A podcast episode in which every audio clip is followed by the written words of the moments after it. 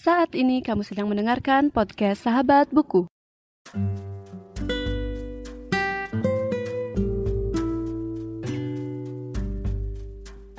Halo semuanya dan selamat datang kembali di podcast Sahabat Buku. Bagi kamu yang baru pertama kali mendengarkan podcast ini, podcast Sahabat Buku adalah sebuah podcast yang membahas review buku dan pengalamanku saat membaca buku. Selain review buku, ada tiga segmen lain di podcast ini, yaitu pembacaan karya sastra, bincang buku, dan sharing opini mengenai membaca dan literasi. Kamu bisa mendapatkan update dari podcast Sahabat Buku melalui Instagram at podcast Sahabat Buku dan Twitter at Sahabat Buku underscore. Di episode kali ini, aku akan membacakan sebuah cerpen dari buku kumpulan cerpen berjudul Pacar Seorang Seniman yang ditulis oleh W.S. Rendra dan diterbitkan oleh penerbit Bentang Pustaka. Cerpen yang aku bacakan berjudul Pacar Seorang Seniman. Episode pembacaan cerpen ini terinspirasi dari podcast Main Mata. Jika kamu mempunyai cerpen untuk dibacakan oleh podcast Sahabat Buku, kamu bisa mengirimkannya ke email podcastsahabatbuku at gmail.com. Atau jika kamu ingin mengirimkan rekomendasi karya sastra untuk dibacakan, bisa juga mention podcast Sahabat Buku di Instagram atau Twitter. Selamat mendengarkan.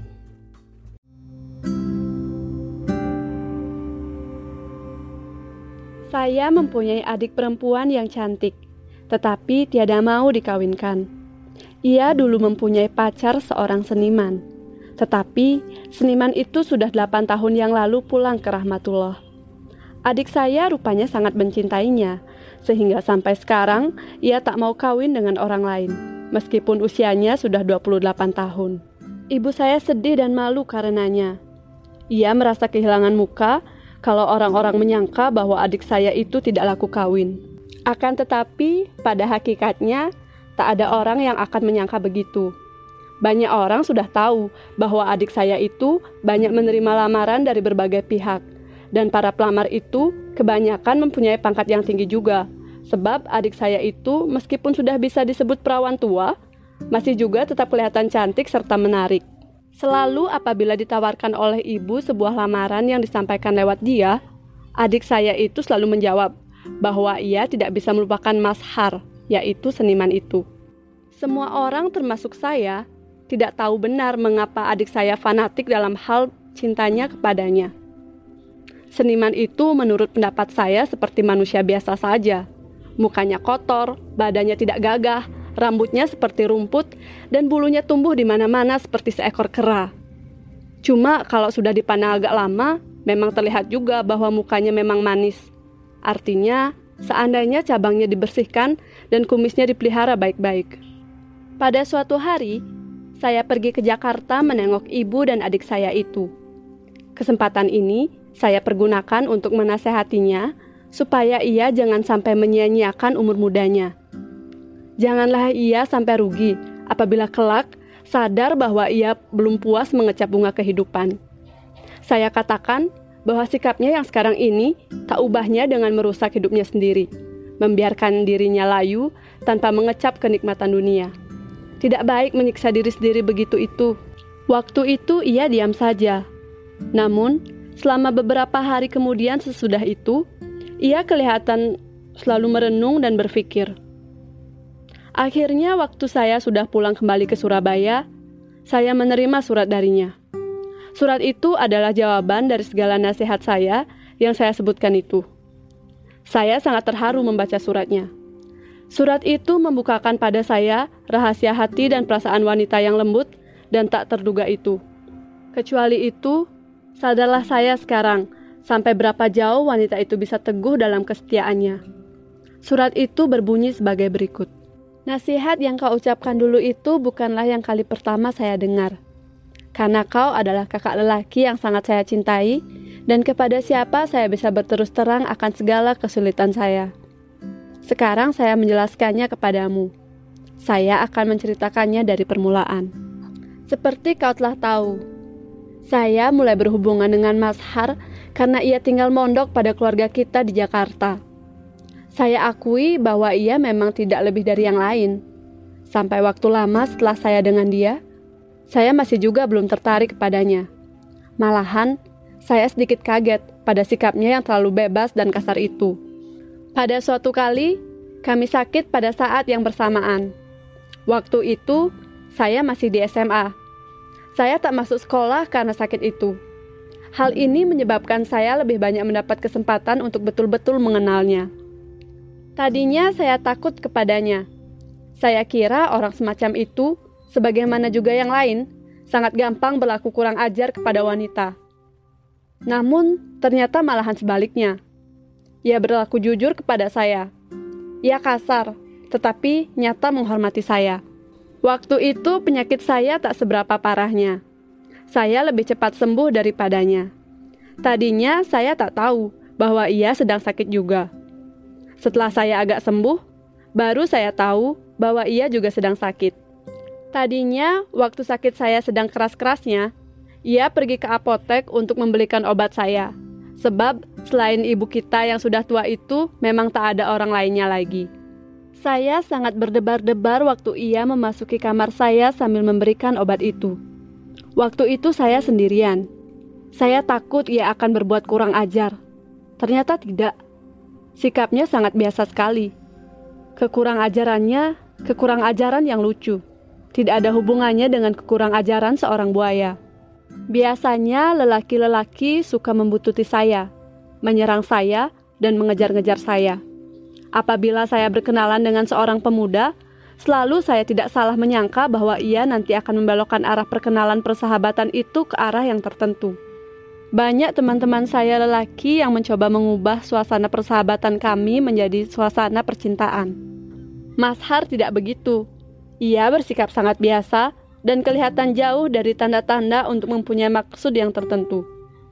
Bahkan, dalam beberapa hal ia bersikap kepada saya seperti terhadap seorang anak kecil. Tak ada tanda-tanda nafsu menyerang padanya. Hal itu menyebabkan saya tidak merasa takut untuk lebih mengamat-amatinya untuk lebih mengenalnya. Laki-laki biasanya suka membosankan saya, dan sering saya merasa bahwa sikap mereka palsu semata-mata.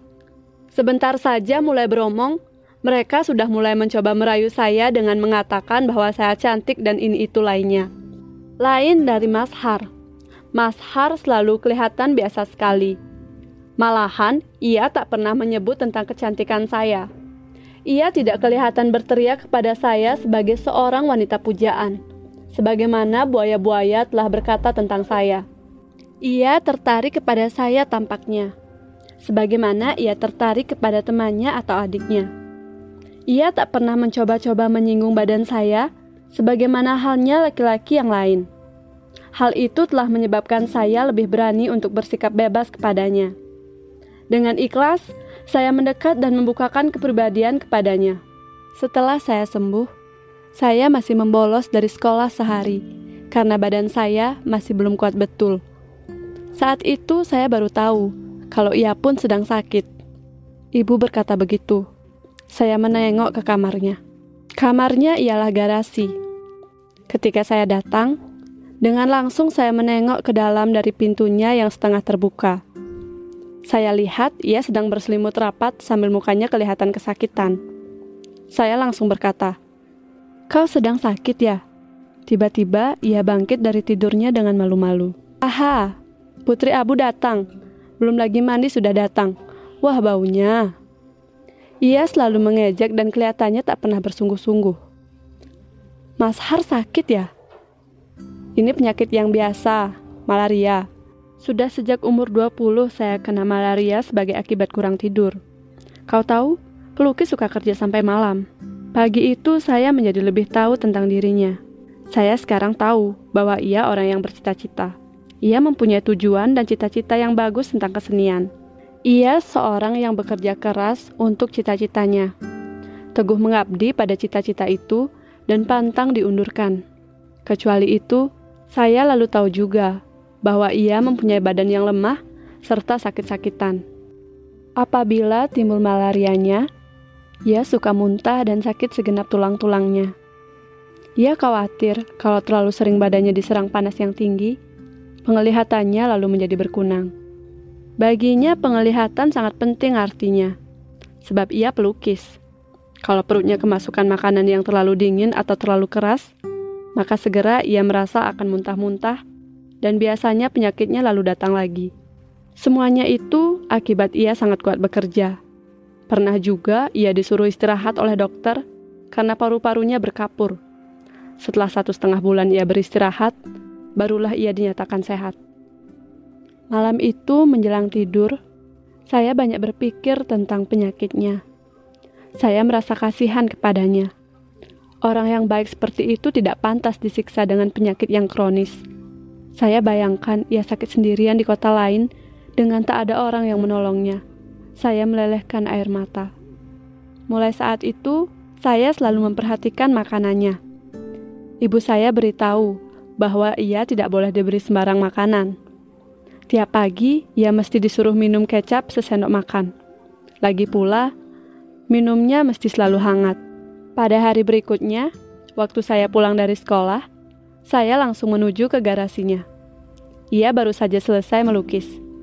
Lukisan yang telah selesai itu dinamakannya Bunda. Ia ceritakan kepada saya bahwa bundanya telah lama meninggal.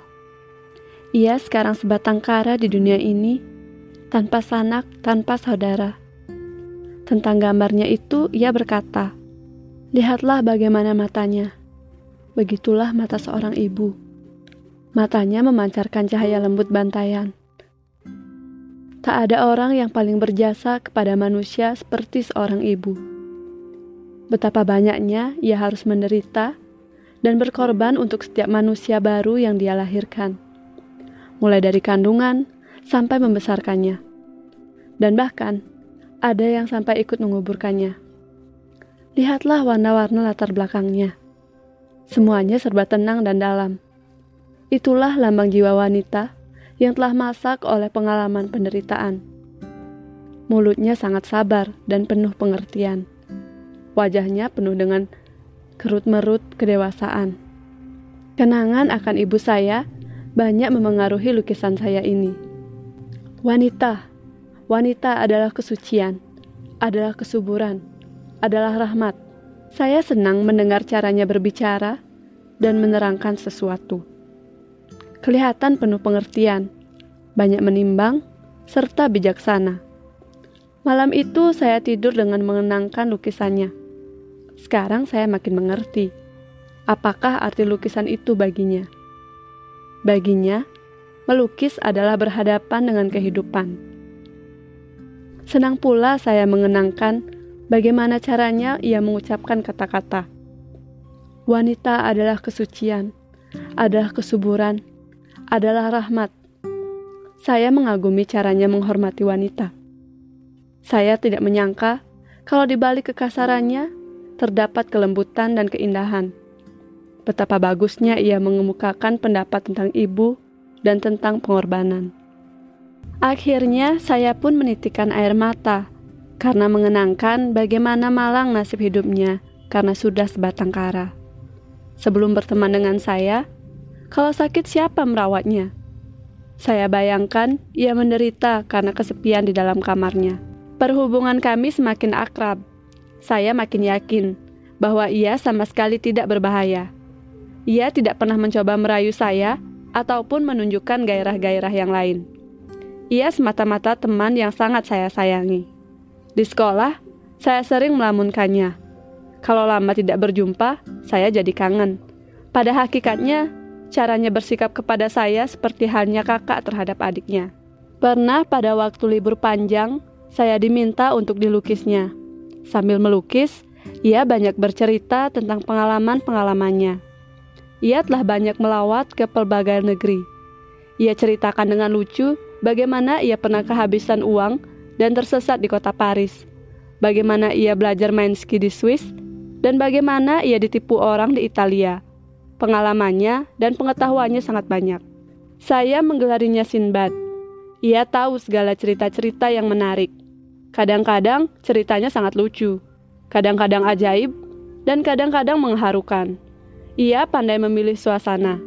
Ia menasehati saya dengan cerita-cerita yang mengharukan Ia menghibur saya dari kesedihan dengan cerita-cerita yang lucu. Ia bercerita dengan sederhana dan gaya yang tampan. Suaranya seperti gesekan selo.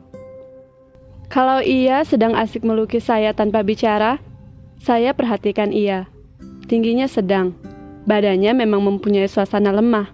Tetapi kalau sudah cukup lama diperhatikan, lama-lama tampak bahwa ia tidak kurus, tetapi semampai. Caranya berpakaian memang kasar dan kotor. Tetapi bukankah di balik itu tertanam kelembutan? Mulutnya manis, matanya bijaksana, dan romantis. Saya senang mendengar mulutnya itu menceritakan perasaan-perasaannya. Saya senang melihat caranya memandang dan bersikap. Saya anggap ia adalah lelaki yang indah. Cuma sayang, ia tak mau mencukur kumis dan cambangnya. Pernah ibu menyuruhnya mengantar saya ke sebuah pesta, dan pernah pula saya memintanya untuk mengantarkan ke bioskop. Saya merasa aman bepergian dengannya ia selalu bersikap melindungi dan memikirkan kepentingan saya dengan gaya seorang lelaki yang terhormat. Ia betul-betul simpatik. Saya ingin pergi nonton lagi bersamanya, tetapi ia tidak pernah mengajak dan saya malu untuk mengajaknya lagi. Suatu kali, ia tidak pulang selama lima hari. Saya ribut-ribut mengurus hal itu. Saya tak tahu ke mana perginya. Ibu pun tidak diberitahu. Namun, ibu berkata kepada saya, bahwa tak ada gunanya saya ribut. Sebab toh ia akan kembali. Lagi pula, sebelumnya ia toh mempunyai kebiasaan begitu juga. Saya selalu ingat bahwa memang demikianlah halnya. Namun, entah tak tahu mengapa, waktu ia pulang, saya marah juga kepadanya. Saya bersikap dingin, dan bahkan akhirnya saya tak mau omong dengan dia. Saya tahu bahwa dia gelisah karenanya. Kemudian, pada waktu saya sedang duduk membaca koran, ia datang dan bertanya, Ayolah, sekarang kita saling berterus terang. Sinbad harus mengerjakan apa supaya Putri Abu tidak marah? Saya merasa malu oleh pertanyaannya itu. Akhirnya, kemarahan saya lenyap karena ia lalu tiada henti-hentinya bercerita tentang hal-hal yang lucu-lucu. Sambil ia katakan bahwa selama lima hari tak pulang itu, ia pergi membuat sketsa keluar kota. Kemudian saya menyindirkan kepadanya, supaya kali lain kalau tidak pulang memberitahu ke mana perginya. Selang seminggu kemudian, ia berkata kepada kami bahwa ia tidak akan pulang untuk beberapa hari untuk membuat sketsa penangkapan ikan di laut. Saya merasa sangat kangen selama kepergiannya itu. Akhirnya, saya merasa jengkel setelah ternyata satu minggu dia belum pulang-pulang juga. Pada hari yang kesembilan, ia baru pulang dengan muka pucat dan penyakit yang berjangkit lagi. Ia mengeluh kepada saya. Wah, jahanam betul nyamuk-nyamuk pantai itu. Akan tetapi, saya menjawabnya dengan pendek. Salahmu sendiri. Entah saya tidak mengerti kenapa, tetapi saya merasa gemas bahwa ia begitu lalai menjaga dirinya. Saya kembali marah kepadanya seperti dulu lagi. Akhirnya, pada suatu hari, ia memanggil saya untuk datang ke garasinya dengan cara yang sukar dibantah. Saya disuruhnya duduk di sebuah kursi, dan ia sendiri duduk di depan yang agak jauh letaknya. Sakitnya belum sembuh betul. Ia mulai bertanya, "Kenapa kau marah?" Saya merasa malu sekali.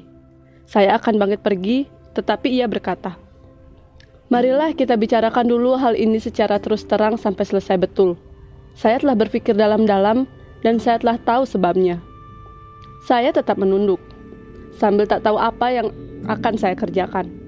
Maharani, katanya dengan suara seperti selo. Kita berdua saling jatuh cinta. Jantung saya merasa akan pecah. Seluruh tubuh saya menjadi lemah. Bagi gadis muda seperti kau, cinta itu rasanya gemuruh dan membingungkan. Kau harus tenang. Harus banyak kau renungkan dengan sabar Bagaimanakah cintamu itu? Saya lelaki yang banyak pengalaman. Saya tahu betul bahwa cinta saya telah kau miliki dengan mutlak. Namun, kau lain halnya. Kau masih harus menyadari benar-benar dahulu. Maharani, kau sangat menderita. Kau harus berpikir tenang. Saya tidak bisa berkutik dan bersuara. Saya telah menyerah sama sekali kepadanya. Baiklah. Jadi sekarang bagi kita sudah bukan rahasia lagi bahwa kita telah saling jatuh cinta. Namun, marilah kita tidak tergesa-gesa. Renungkanlah dahulu siapa saya. Bagaimana masa depanmu apabila jadi dengan saya? Marilah kita agak tenang dalam hal cinta. Sebab cinta itu bunga yang indah. Cinta adalah anugerah surgawi yang suci. Sekarang pulanglah dulu. Saya merasa lemas dan tanpa daya. Ia bangkit dan menghampiri saya. Dibangkitkannya saya dari tempat duduk. Pulanglah dulu, katanya. Akan tetapi, saya sudah terlampau tak berdaya. Tiba-tiba ia membungkuk dan mencium pipi saya. Sempurnalah sekarang kekalahan saya. Saya roboh ke dadanya. Ia memeluk tubuh saya erat-erat. Saya hampir pingsan ketika merasakan badan saya dirapatkan ke badannya. Badan saya serasa telah lebur menjadi satu dengan badannya. Ditengadahkannya muka saya dari dadanya. Lalu terasalah bagaimana wajahnya mendekati wajah saya. Napasnya terasa hangat dan memabukkan. Akhirnya, diciumnyalah mulut saya penuh-penuh dengan mulutnya. Saya hampir-hampir tiada sadar akan diri saya. Semuanya terjadi dengan gairah yang jujur dan suci. Semuanya merupakan kenang-kenangan yang indah yang tak akan saya lupakan. Siapa akan menyangka bahwa lima hari kemudian panasnya memuncak dan tiba-tiba menutupkan matanya untuk selama-lamanya. Kakak tersayang, setelah kau membaca surat saya ini, barangkali kau akan jadi mengerti segala latar belakang dari sikap saya terhadap semua lamaran-lamaran yang saya tolak itu. Bagaimanakah saya bisa disebutkan telah menyia-nyiakan umur muda? Umur muda saya telah saya pergunakan dengan sebaik-baiknya. Mas Har telah memberikan pada saya bunga umur muda yang tak akan layu. Bagaimanakah saya bisa disebutlah menyia-nyiakan kesempatan untuk mengecap kenikmatan hidup? Saya telah merasai ciuman dan pelukan Mas Har sebagai kenikmatan hidup yang tak akan terlupakan. Saya sudah cukup puas dengan itu. Saya tak lagi menghendaki yang lain. Dan akhirnya, saya juga tak bisa dikatakan telah merusak hidup saya sendiri. Sebab sekarang ini, saya tetap merasakan tentram dan puas. Berbeda dengan yang lain bukanlah berarti menderita. Saya tak tahu bagaimana biasanya pada orang lain. Namun, saya telah cukup puas dengan ketentraman saya yang sekarang. Percintaan saya yang sekali dalam hidup saya itu diliputi oleh ke kesucian dan keindahan. Tanpa ada bau kecabulan, saya tak ingin merusak kenangan yang indah ini dengan perkawinan bersama orang lain. Saya ingin bisa berkata, saya telah pernah pula jatuh cinta. Percintaan itu suci, indah, nikmat, dan tak pernah bernoda. Dengan demikian, puaslah sudah hati saya. Demikianlah bunyi nukilan surat adik saya. Terima kasih sudah mendengarkan episode kali ini. Aku minta maaf jika terdapat kata-kata yang salah. Jika kamu menyukai episode kali ini, jangan lupa untuk membagikannya di media sosial kamu. Selain itu, kamu juga bisa mendukung podcast Sahabat Buku dengan mengikuti podcast Sahabat Buku di Spotify, Instagram, Twitter, dan berlangganan di YouTube. Sampai jumpa di episode selanjutnya.